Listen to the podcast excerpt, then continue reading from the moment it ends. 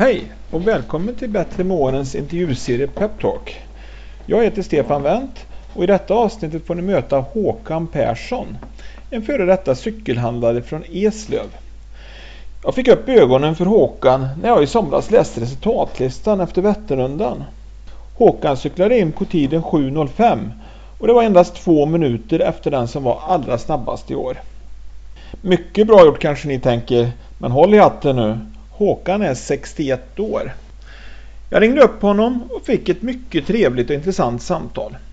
Håkan visade sig ha enormt mycket kunskap och erfarenhet som han gärna delade med sig av. Med ett brinnande intresse men också en härlig distans till cykel berättade Håkan om Vätternrundan, cykelsportens utveckling, om träning och mycket annat. Så lyssna till den fantastiske Håkan Persson i detta fjärde avsnitt av Peptalk. Här snackar vi bättre med åren.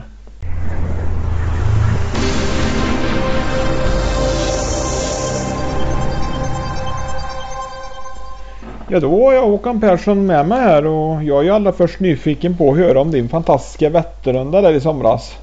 Du är ju 61 år och cyklar ju lika snabbt som ungdomarna. Vad är hemligheten? Nej, hemligheten är väl kanske att man, eh, man ska väl ha cyklat en del för att kanske få köra på de tiderna. Va? Men mycket av hemligheten också är ju att man gäller att komma i rätt gäng så man har rätt sällskap och som i årets Vätternrunda då det var ju ja, ett starkt gäng då från Mustakampen som jag, vi körde ihop då. Va? Och det, det, det hjälper ju att det går jämnt och fint. Sen är det ju oavsett vilken tid du kör på så gäller det att hitta ett bra gäng. Ja, ja jag förstår. Det är mycket rutin som spelar in där kan jag tänka mig eller? Ja men det är det ju för det går ju så pass fort när man ska köra de här tiderna så att det går inte att ligga och fladdra ute i vinden och sånt där så länge utan man får försöka köra lite rutinerat. Ja, och du har, du har gjort ett antal Vätternrundor då förstår jag? Ja exakt, detta var väl elfte gången jag startade och tionde gången jag kom i mål. Jag, jag körde sönder ett hjul en gång så jag var tvungen att bryta. Mm. Och var, detta var en av dina bättre tider om man säger så eller? Ja, det var ju så här att vi hade ju lite försäljning före på Vätternrundan men för 11 år sedan så fick jag en gratis startplats av Eva-Lena Frick. För hon tyckte att nu kan du ju se hur det är att cykla för du har du stått här och sålt och berättat lite grann ja, om hur man ska göra i många år.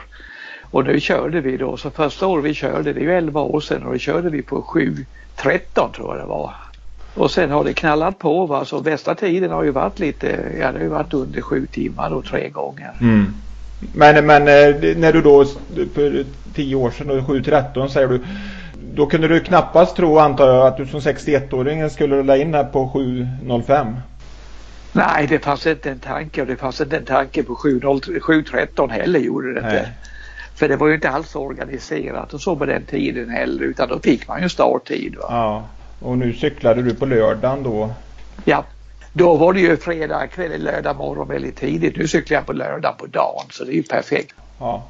Eh, om vi tar lite kort om dig själv då Håkan. Eh, för de som inte känner till vem du är. Vem är du och om vi drar lite kort? Jag är som sagt var 61 år gammal och jag började cykla när jag var 12 år gammal i Jönköpings cykelklubb. Och eh, började och det, det gick inte så bra de första åren. Och, men det var en jäkla trevlig klubb och det var en bra kamratskap så jag fortsatte och det gick lite bättre och lite bättre. Och jag kom i alla fall upp till så kallat A-klassen som det hette då. Idag heter det elitklassen och där körde jag i åtta år. Och det, det var väl inga större framgångar men det gick ganska bra gjorde det.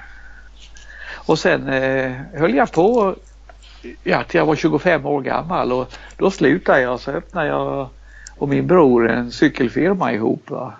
Och sen blev det inte mycket tränat i, ja, på nästan 20 års tid var det knappt något tränat. Och sen satte jag igång det lite grann för att jag gick och ställde mig på en våg och det var ju ingen rolig upplevelse. Så jag tänkte att nu får jag ju sätta, ta tag i det här och så satte jag igång och började träna och det ena gav det andra och och sen ja, kom, in, kom snart in i det här igen och då hade man ju nytta lite av sin rutin och så vidare då också. Va? Ja. Du hade en gedigen träningsbakgrund. Du, du tävlade ganska mycket då? Ja det gjorde jag. Det var ju många år jag körde upp mot 2000 mil och så på den tiden. Va? Det var hård satsning då? Ja det var det ju. Så hård satsning det kan bli med heltidsjobb och sånt ju. Men så var det ju för alla på den tiden. Då fanns ju inga så att säga proffs Nej. som det gör idag va. Alltså du jobbade heltid samtidigt då? Ja, ja, det gjorde jag. Och det gjorde nästan alla. Det gjorde nästan alla i svenska eliten och så vidare. Och det var så att du också faktiskt tagit på dig landslagsdressen någon gång? Ja, jag har faktiskt haft det två gånger också. Det, det var ju lite av en dröm då när man började cykla. Och dröm nummer ett det var ju då att bli elitklass eller A-klassare. Mm. Det trodde man ju aldrig. Och dröm nummer två det var ju att kunna vara med i landslaget någon gång. Mm. Och det trodde man ju inte heller. Och sen proffs, det fanns ju inte på den tiden. Det var ju bara fåglum. Ja. Men du gjorde en liten utflykt där till Frankrike? Ja, jag var där nere och cyklade i ja, typ ett och ett halvt år var jag var och det gick ganska bra men det var ju inte så att säga bra nog till att bli proffs eller något. Nej. Vad var det för ett stall? Ja, det var ett stall som Peugeot sponsrade, gjorde de och det, vi fick lite grejer från Peugeot och så vidare. Vi körde rätt så mycket tävlingar runt om i västra Frankrike i alla fall. Va? Och och jag hade några vinster där och ja, det gick ganska okej okay, men det, det var, jag var så att säga inte bra nog att kunna bli något bra proffs eller något. Nej. Men det var två bra år? Eh, som kan ja bli... det var det var två bra år och det var två bra år, så minnen man har haft ja, hela, hela sitt liv och fortfarande kontakt med många av dem där nere. Mm. Mm. Och sen cykelhandlare då, då, då blev det mycket jobb och, och, och, och lite Ja, det, Ja, det var mycket jobb och det köptes hus och det skulle renoveras och det kom två ungar och, och när jag kom hem till Frankrike, jag hade aldrig vägt mer än 68 kilo hela mitt liv Nej. och sen ställde jag mig på en våg 15-20 år senare och den stod ju på tresiffrigt och jag höll ju på att smälla av. Ja, det blev en väckarklocka för dig då? Ja, verkligen ja. blev det för att det, shit, ska jag, ska jag bli gammal så får jag nog ta tag i det här nu. Mm. Ja, det är, det är många som eh, tänker tanken men eh, kanske aldrig kommer igång där. Men vi kan återkomma till det. Jag tänkte fråga dig lite här om eh, cykel rent generellt. Du som har hållit på då hela livet här. Eh, om vi tar cykelsporten från när du började cykla och fram tills idag då. Hur, eh, hur tycker du utvecklingen har varit där? Ja, men det är två helt olika idrotter så att säga. Så när jag började 1968 och idag det är två helt då var ju, då var ju tävlingscyklingen stor. Jag menar när man körde de här stora tävlingarna, eller ja, tävlingarna, det var ju tävlingar i Skövde och det var Tidaholm och det var överallt. Va? Och det, det kunde ju vara 80-90 man i pojkklasserna. Och så att cyklingen var ju stor då. Vi hade många Fågelbröderna fick fart på det och sen kom ju Bernt Johansson och allt det här. Va? Och motionscyklingen det, det fanns ju knappt inte. Så var man ute och tränade och man mötte någon då, då kände 99% säkerhet så kände man han. Ja. Så, och alla, alla heja. Så blir det heja, vad fan är Peter ute och tränar idag tänkte man eller var det Kalle och så vidare.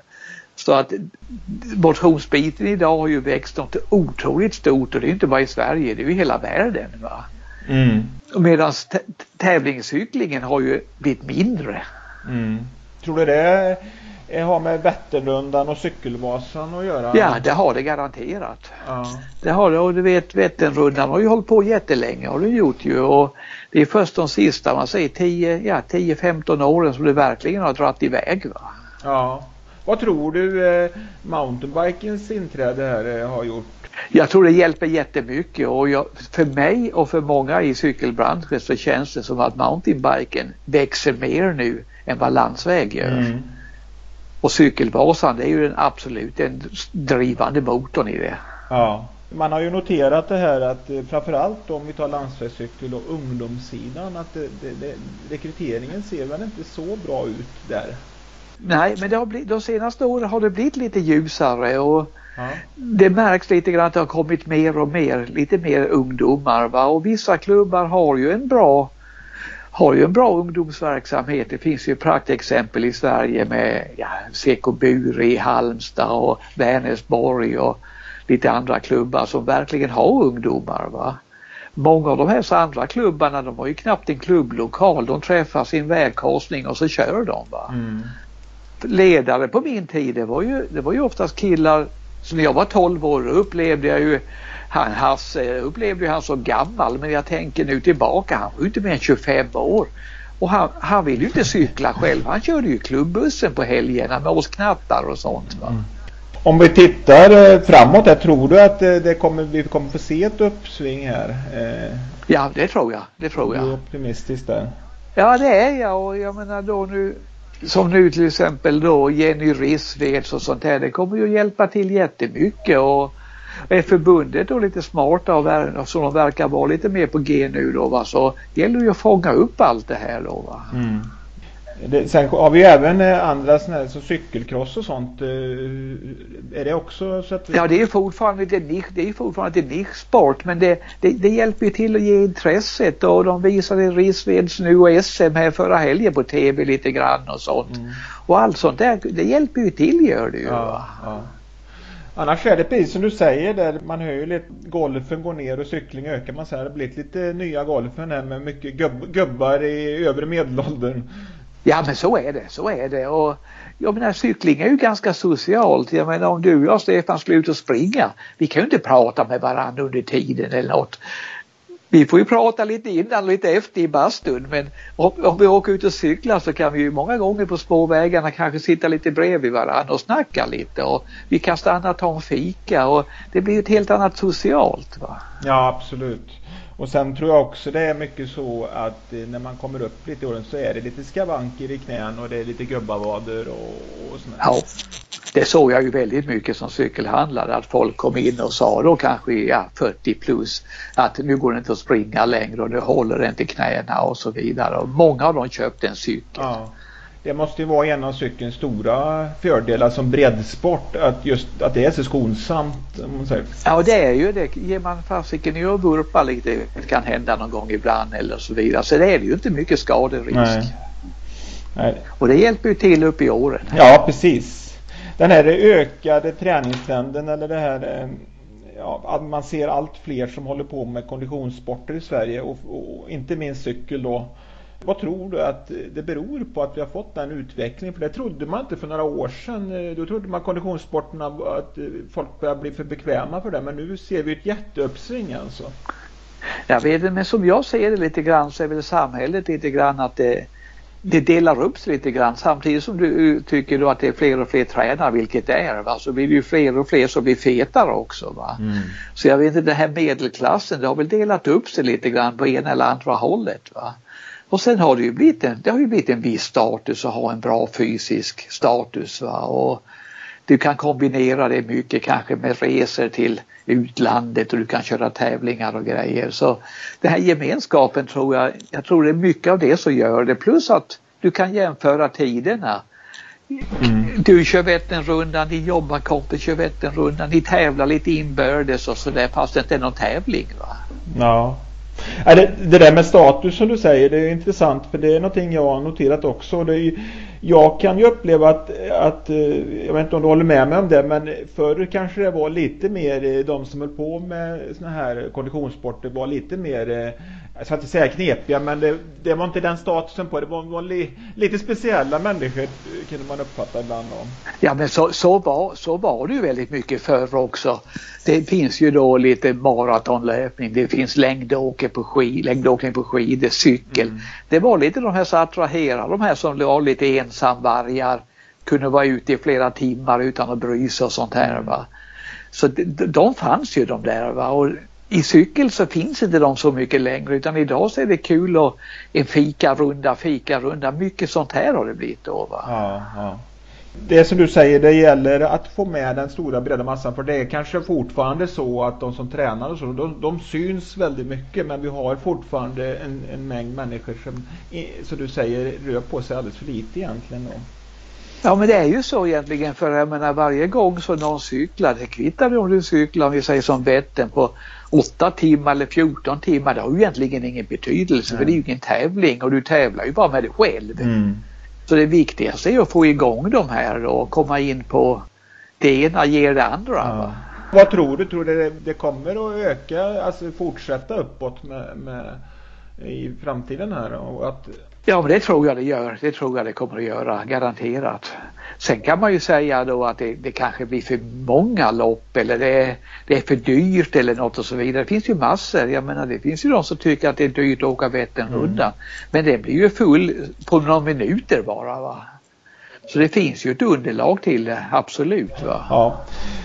Jag tänker för din egen del, du berättade här nyss då att du, eh, du har egentligen haft eh, två karriärer kan man säga då. Först då en tävlingskarriär och sen ett uppehåll och sen så har du ju ja, en, en karriär nu då. Vad ser du för skillnad här nu i in, inställning till cykel när du förr tävlade och, och, och tränade väldigt mycket då och sen så nu cyklar du mer eh, på motions, elitmotionär kan man väl kalla, kalla det. Men, är det en annan syn på cykel idag då? Ja det tycker jag absolut det är. För, för det första så är det ju nästan många gånger roligare nu egentligen. Va? För att då på den tiden så ja, man låg i man, och man vintertränade och man var flitig och kompisen gick ut på lördagskvällen och en annan var hemma för man skulle träna på söndagen och allt det här. Va? Och så kom man då och tävlade och så ibland gick det bra, då var ju allt frid och fröjd. Ibland gick det inte bra, då var man jäkligt besviken. Va? Nu när man är motionär och hurtbulle så är, varje gång man är ute och cyklar så är det ju kul. Någon gång går lite fortare, någon går lite saktare. Hinner du inte en helg eller något, ja men så what, det är ju måndag igen, då cyklar man till jobbet. Va? Det, så att det är nästan roligare nu faktiskt. Du känner nästan en större passion till cykling? Ja, eller? det gör jag. Ja, det gör jag. Ja. Är det landsväg du cyklar? Eller? Ja, jag cyklar ju mountainbike ungefär två gånger om året. Ja, det, är, det är en gång veckan innan cykelvasan och så kör jag cykelvasan. Så det är ungefär de gångerna jag kör mountainbike, vilket tyvärr är alldeles för lite. Men vi här i Skåne, i Skåne ska jag säga, där som jag bor, det är, det är ju inte så mycket mountain utan här blir ju landsvägscyklingen lite bättre egentligen. Va? Ja. Hur ser en säsong ut? Eh, cyklar du året om?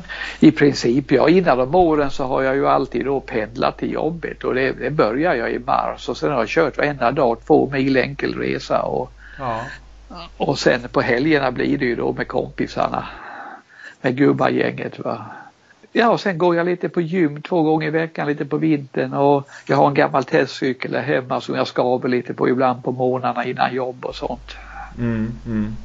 Så du har, du, du har en egen liten vattgruva som de säger? Ja, det är det. Det är gammal cykel som står här. Det behöver ju inte vara så jäkla högtidligt men det är på med radion och sen kör man en lite intervaller. Va?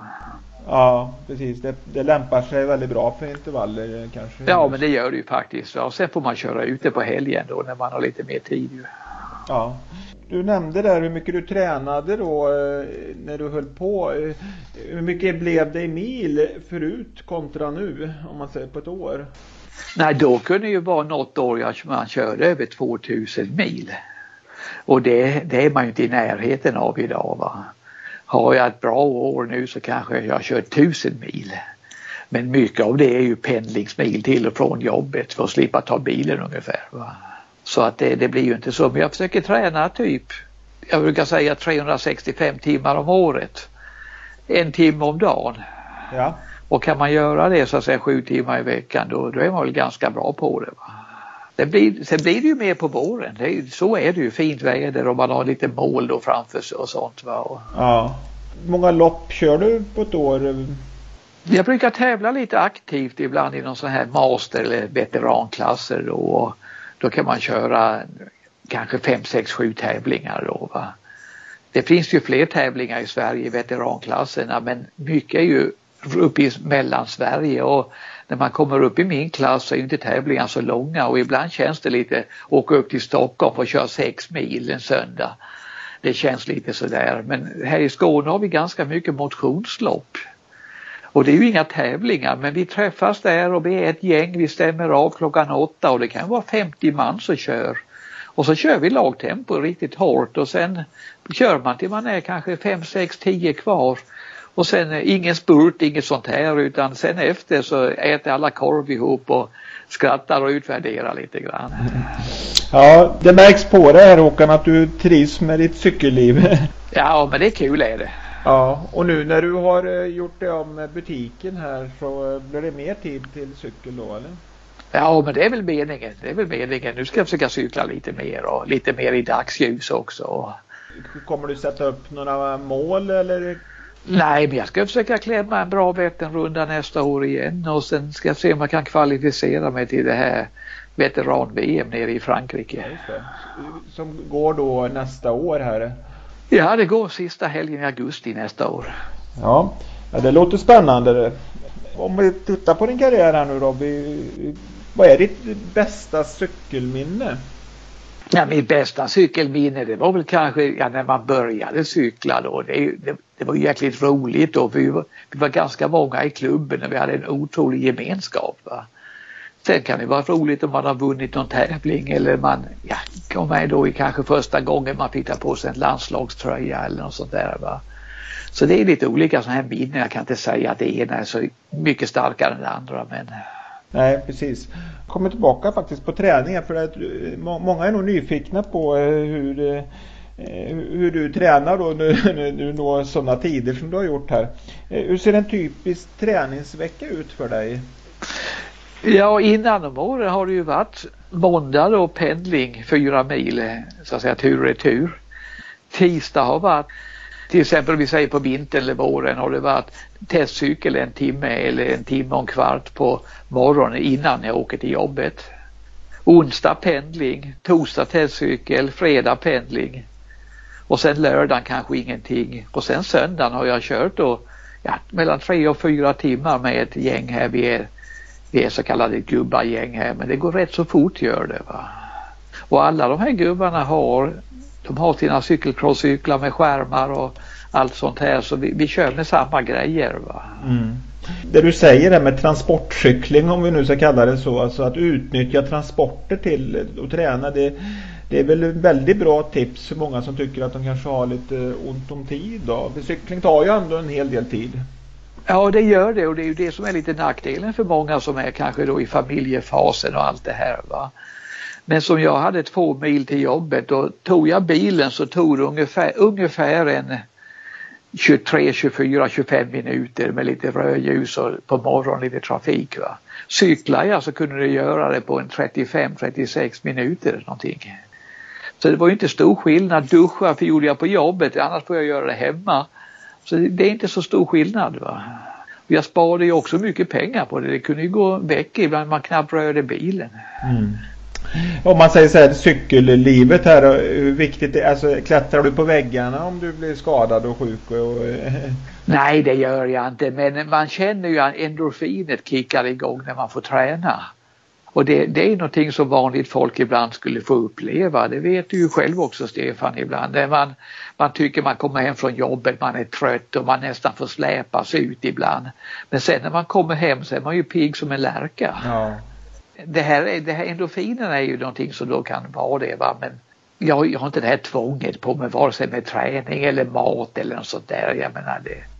Det låter som du har en eh, bra distans till det så att säga för att eh, jag tror eh, det, det, kan vara ganska vanligt eh, att man det kan bli för mycket också för många ibland med träning. Ja men det har jag ju sett genom åren va? att folk som har börjat, det har ju nästan helt slått över. Det är ju de som frun har flyttat va? eller de har skilt sig för de har tränat så mycket och det är de som har fått ortorexi för de knappt kan äta för de ska träna och det finns massor med exempel och många gånger så ser man dem i tre, fyra år och sen bara försvinner de. Va? Mm. Och då har det blivit för mycket. Ja. Ja, det är klart att du, du som i, i din roll som cykelhandlare där har, har mött många. Eh... Ja, men så är det. Det var ju de som var inne två gånger i veckan i tre år. Och så helt plötsligt stod man dem aldrig mer och sen gick det två år så, fråg, så sprang man på dem. Så vad har hänt? Ah fan jag vet jag, jag, jag, jag hade svårt och det kom bli barn och bla bla. Så de hittar ju inte en lagom stil utan det blev nästan too much va. Ja precis. Ja, det gäller att hitta en, eh, någonting som är hållbart i längden så att säga. Ja men det är ju, det är ju bara en hobby, det är ju inte vårat jobb. Om vi kommer in lite på, eh, nu ska, nu ska inte jag sitta här och säga att du är gammal Håkan men... Eh, nej men jag börjar väl tillhöra de äldre kanske. ja, nej men om vi säger så här, just det här med att träna när man börjar komma upp lite i åren då. Min känsla är att det ligger lite i vår kultur där att man ska ta det försiktigt och så här hela tiden och, och när man blir äldre och eh, man får ofta kanske råd från läkare och så vidare att eh, så fort det är någonting att ta det lugnt och så här. Eh, men eh, du och många fler visar ju att kroppen klarar en hel del när man kommer upp i åren då. Eh, hur ser du på det här med att, att man ska vara försiktig och så här? Nej men jag tycker, jag menar är man frisk för övrigt så tycker jag inte att man ska vara så där hemskt försiktig för jag menar man måste ju ta i. Ska du bli bättre så måste du ta i och flåsa. Så är det ju bara va. Om du har de här målen. Ja. Och sen ska du ju då naturligtvis kanske om du sätter igång lite äldre, du kanske ska gå och göra en läkarundersökning vilket är helt okej okay då ju.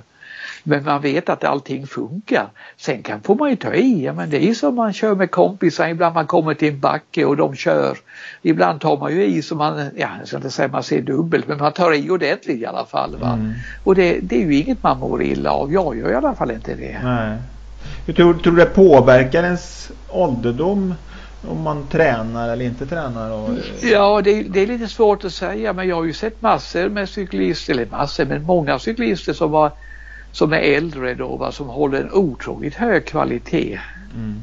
Och det, du ser inte riktigt det så mycket på löpningen för det, där är ju förslitningen. Va? Ja, Men i cykel så ser du det. Jag menar jag körde då i förfjol, eller i fjol förlåt, körde jag veteran-VM i Danmark och han som vann klassen 70 år. Mm. Ja men det var en dansk då, han är 73 år gammal och han körde alltså jättebra. Han var världsmästare på cykel 1966 och fortfarande kör riktigt, riktigt bra. Så ja, men det visar att det går ju att göra. Ja.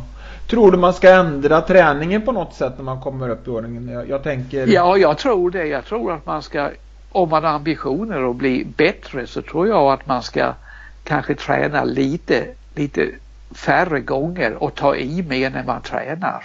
Jag personligen har lite koll på det här med min gamla Monark och se vad jag orkar. Men vad jag märker är att konditionen, flåset, det går inte så sakta ner. Vad som går ner betydligt brantare det är ju styrkan. Mm. musklerna? Ja musklerna det märker man ju. Backarna blir ju fan brantare och längre för varje år jag håller på. Va? Så kanske att man ska köra styrketräning med både på cykeln och kanske gå på gymmet ja, hela vintern eller på sommaren med en gång i veckan. Va? Och inte vara rädd för att ta vilodagar då förstår jag på nej, det här? Nej, nej. För det är, det är någonting som man kanske eh, underskattar ibland, alltså vikten av att eh, vila efter ett hårt pass. Eller? Ja men det måste man ju göra för jag menar tittar du i Tour de France det är ju en annan sak. Det är unga killar, det är proffs. Men jag menar när vi har varit ute en söndag och man kommer hem efter kanske fyra timmar och man är bra trött och man vaknar på måndag morgon. Man har ju fan fortfarande ont i benen ibland va. Och frågan är, är det lönt att träna den dagen? Det kanske är bättre att vila en dag till och köra på tisdagen. Mm. Om vi säger de här som du möter då, eller har mött genom åren här. Det, det finns ju många som liksom, de, de, är i startgroparna, de vill börja träna men de har svårt att komma igång då. Har, har, har du några tips eller råd eller man säger till dem hur, hur de ska kunna komma igång?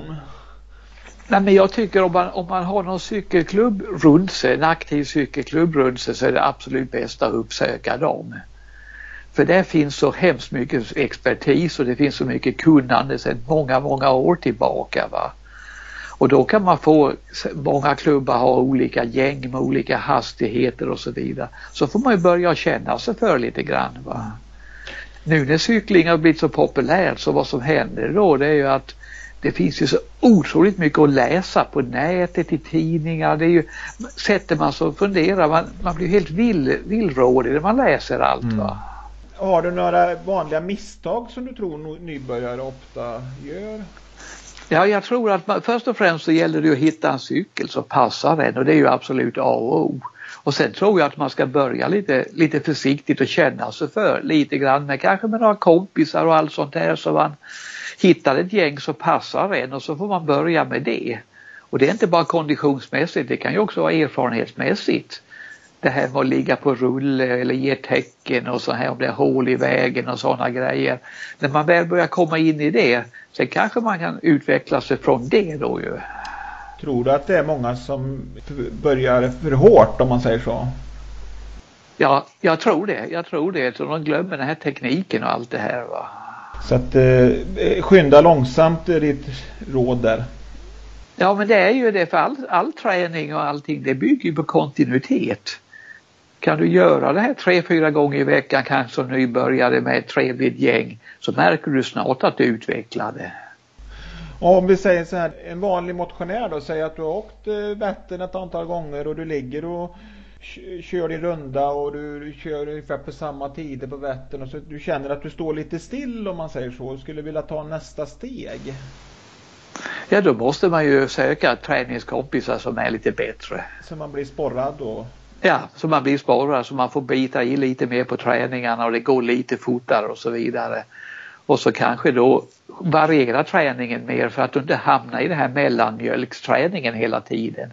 För det är ju det som är ganska lätt att göra i all idrott. Du går på gymmet, du kör dina bänk, bänkpress där på 70 kilo gång efter gång efter gång. Du kommer ju aldrig bli starkare. Eller du cyklar dina runder i 32 i snitt. Du kommer aldrig cykla fortare om du gör det gång på gång för kroppen är så smart, den ställer snart in sig. Nu ska vi ut och ha lite mysigt här. Så du måste nog hitta ett gäng där det går lite fortare ibland och sånt här. Va? Ja. När man har hållit på ett tag så det här med att racea om vi säger så på träning och sådär emellanåt. Det, det är utvecklande anser du då? Ja absolut. Under säkra former naturligtvis. Ja, jo, jag förstår. Om vi säger då att du har eh, Cykelvasan eller låt oss säga Vätternrundan som mål här då och du befinner dig i, i november där vi är nu. Eh, hur tycker du man ska lägga upp eh, träning och sådär fram till dess eh, och förbereda sig för det här? Nej, det beror lite på hur mycket tid man har, har till god eller hur mycket tid man vill lägga ner men kontinuerlig träning i alla fall ute varje söndag med kompisarna och då snackar vi kanske tre timmar eller någonting. Det är inte så, det är inte så noga hur fort det går utan man kommer ut och får känna lite motvind och backar och sånt. Mm. Och sen kanske jag på lördagen om man hinner på förmiddagen ut en och en halv, två timmar. Ja. Och sen på, i veckorna får det bli lite kanske spinning eller gym en gång men i alla fall två träningspass kondition i veckan tycker jag. Mm. Men kondition säger du, tänker du eh, enbart cykel eller tycker du att man kan variera? Nej det behöver inte, det, det behöver inte göra men är du ny så tycker jag man ska försöka cykla lite mer. För det tar ju ett antal timmar att komma in i det här med cyklingen. För att om du är ny så tycker jag muskulärt att du måste kanske försöka cykla lite mer. Mm. För att få in rätta tekniken då? Ja, eller? ja. ja. Det, det, det, du säger är intressant för att det kanske inte många tror att det är så mycket teknik i cykel. Nej men det är ju det här de snackar om sina 10 000 timmar och det har varit mycket snack och sånt där. Men det är ganska mycket teknik i det i cykel med att du ska ju få ut kraften i pedalerna. För jag menar hade det varit annars enkelt då kunde du ju satt vilken kenyan eller vem som helst för kan du springa en maraton på 2.10 så kan du ju cykla. Men det är inte riktigt samma sak. Nej. Och nu är ju du rätt man också då när vi, om vi kommer in på cykel och utrustning här eh, för, ja, ska vi kalla då den vanliga motionären här. Eh, det har ju min uppfattning att det, det, kan finnas en tendens att det blir lite prylhysteri ibland. Vad säger du om det? Ja, det är det ju naturligtvis i, i vissa kretsar, ja. Det, vad som handlar om är ju att det finns så otroligt mycket grejer att handla eller köpa som konsument. Det är karbonhjul och det är V-parti och det är 10 växlar och det är 11 växlar och det är massor med grejer. Va? Utan det, vad jag tycker är primära det är att köpa en vettig cykel till den nivån man cyklar på och sen få hjälp att ställa in cykeln ordentligt. För det är ju, det är ju betydligt viktigare att du sitter bra på cykeln än att den kostar 15 eller 25. Det kan ju vara någon som har kanske haft lite problem med ryggen och får ha en lite kortare styrstam och sånt där och det här kan man få hjälp av hos en duktig cykelhandlare ju. Mm. Det är sån här bikefit du pratar om. Ja, det är ju ett modeord nu. Nu gör ju alla bikefit men att någon hjälper det som har lite erfarenhet också mm. va. Mm. Jag förstår. Ja, nu tänkte jag så här Håkan att vi skulle bryta av lite med den här intervjun och eh, köra tio snabba. Och då tänker jag att jag, jag säger någonting och så får du ge helt enkelt en, ja, en spontan kommentar på det. Då säger jag cykla i grupp. Det roligaste som finns. Bernt Johansson. Ja, riktigt duktig cyklist. och eh, naturligtvis OS-guldet i Montreal. Ja. Gel? Ja, personligen tycker jag nästan att det är ett måste ha i bakfickan när man kör lite längre pass, i alla fall som reservproviant på slutet. Mm. Styrketräning? Ja, för oss lite äldre cyklister så ser jag ju att det, det är ju viktiga grejer. Mm. Bilisters avstånd? Ja, den kan vi hålla på länge. Den blir nog inte, den blir nog inte så snabb om vi drar det. Men många, många är ju väldigt bra på att hålla avstånd och en del är ju sämre naturligtvis. Och det, det är ju då man blir irriterad. Mm. Om vi säger de här cykelstilregler. Ja det är också någonting som har kommit nu med den nya cyklingen, strumpornas längd och allting. Men ja, ja, jag tycker ta vad som finns där hemma och börja med det. Man får ta det lite med glimten i ögat. Ja absolut, absolut. Ja, då säger jag Lance Armstrong. Otroligt duktig cyklist som tyvärr framstod som en fuskare. Mm. Tyvärr. Mallorca det är nog ett av de bästa cykelresemålen du kan göra i, i Europa. Mm. Spinning? Inte, passar inte mig så bra men jag tror att det är väldigt bra vinterträning och en bra gemenskap för många. Mm. Och så till sist så säger jag Jenny Rissveds. Ja, vår nya, vår nya cykeltjej som jag tror kommer att gå hur långt som helst och tror kommer dra många ungdomar till klubbarna runt om i Sverige. Så hoppas de är förberedda. Det låter härligt Håkan. Eh, vi kan nog se ljus på framtiden känns det som. ja. ja. Har du något budskap du skulle vilja skicka med då till eh, lyssnarna? Ja, träna och må bra ha kul och vara rädd om er ute i trafiken. Det är det viktigaste. Ja, då önskar jag dig lycka till framöver här Håkan och tackar så hemskt mycket för detta samtalet. Jag hoppas eh, det kan inspirera många andra till att eh, fortsätta hänga in med träningen här och se fram emot en, en bra cykelvår. Tack så mycket Stefan för att jag fick vara med i din trevliga blogg. Ja. Tack så du ha, då säger vi så. Tack så du ha, hej då. Hej då, hej. hej.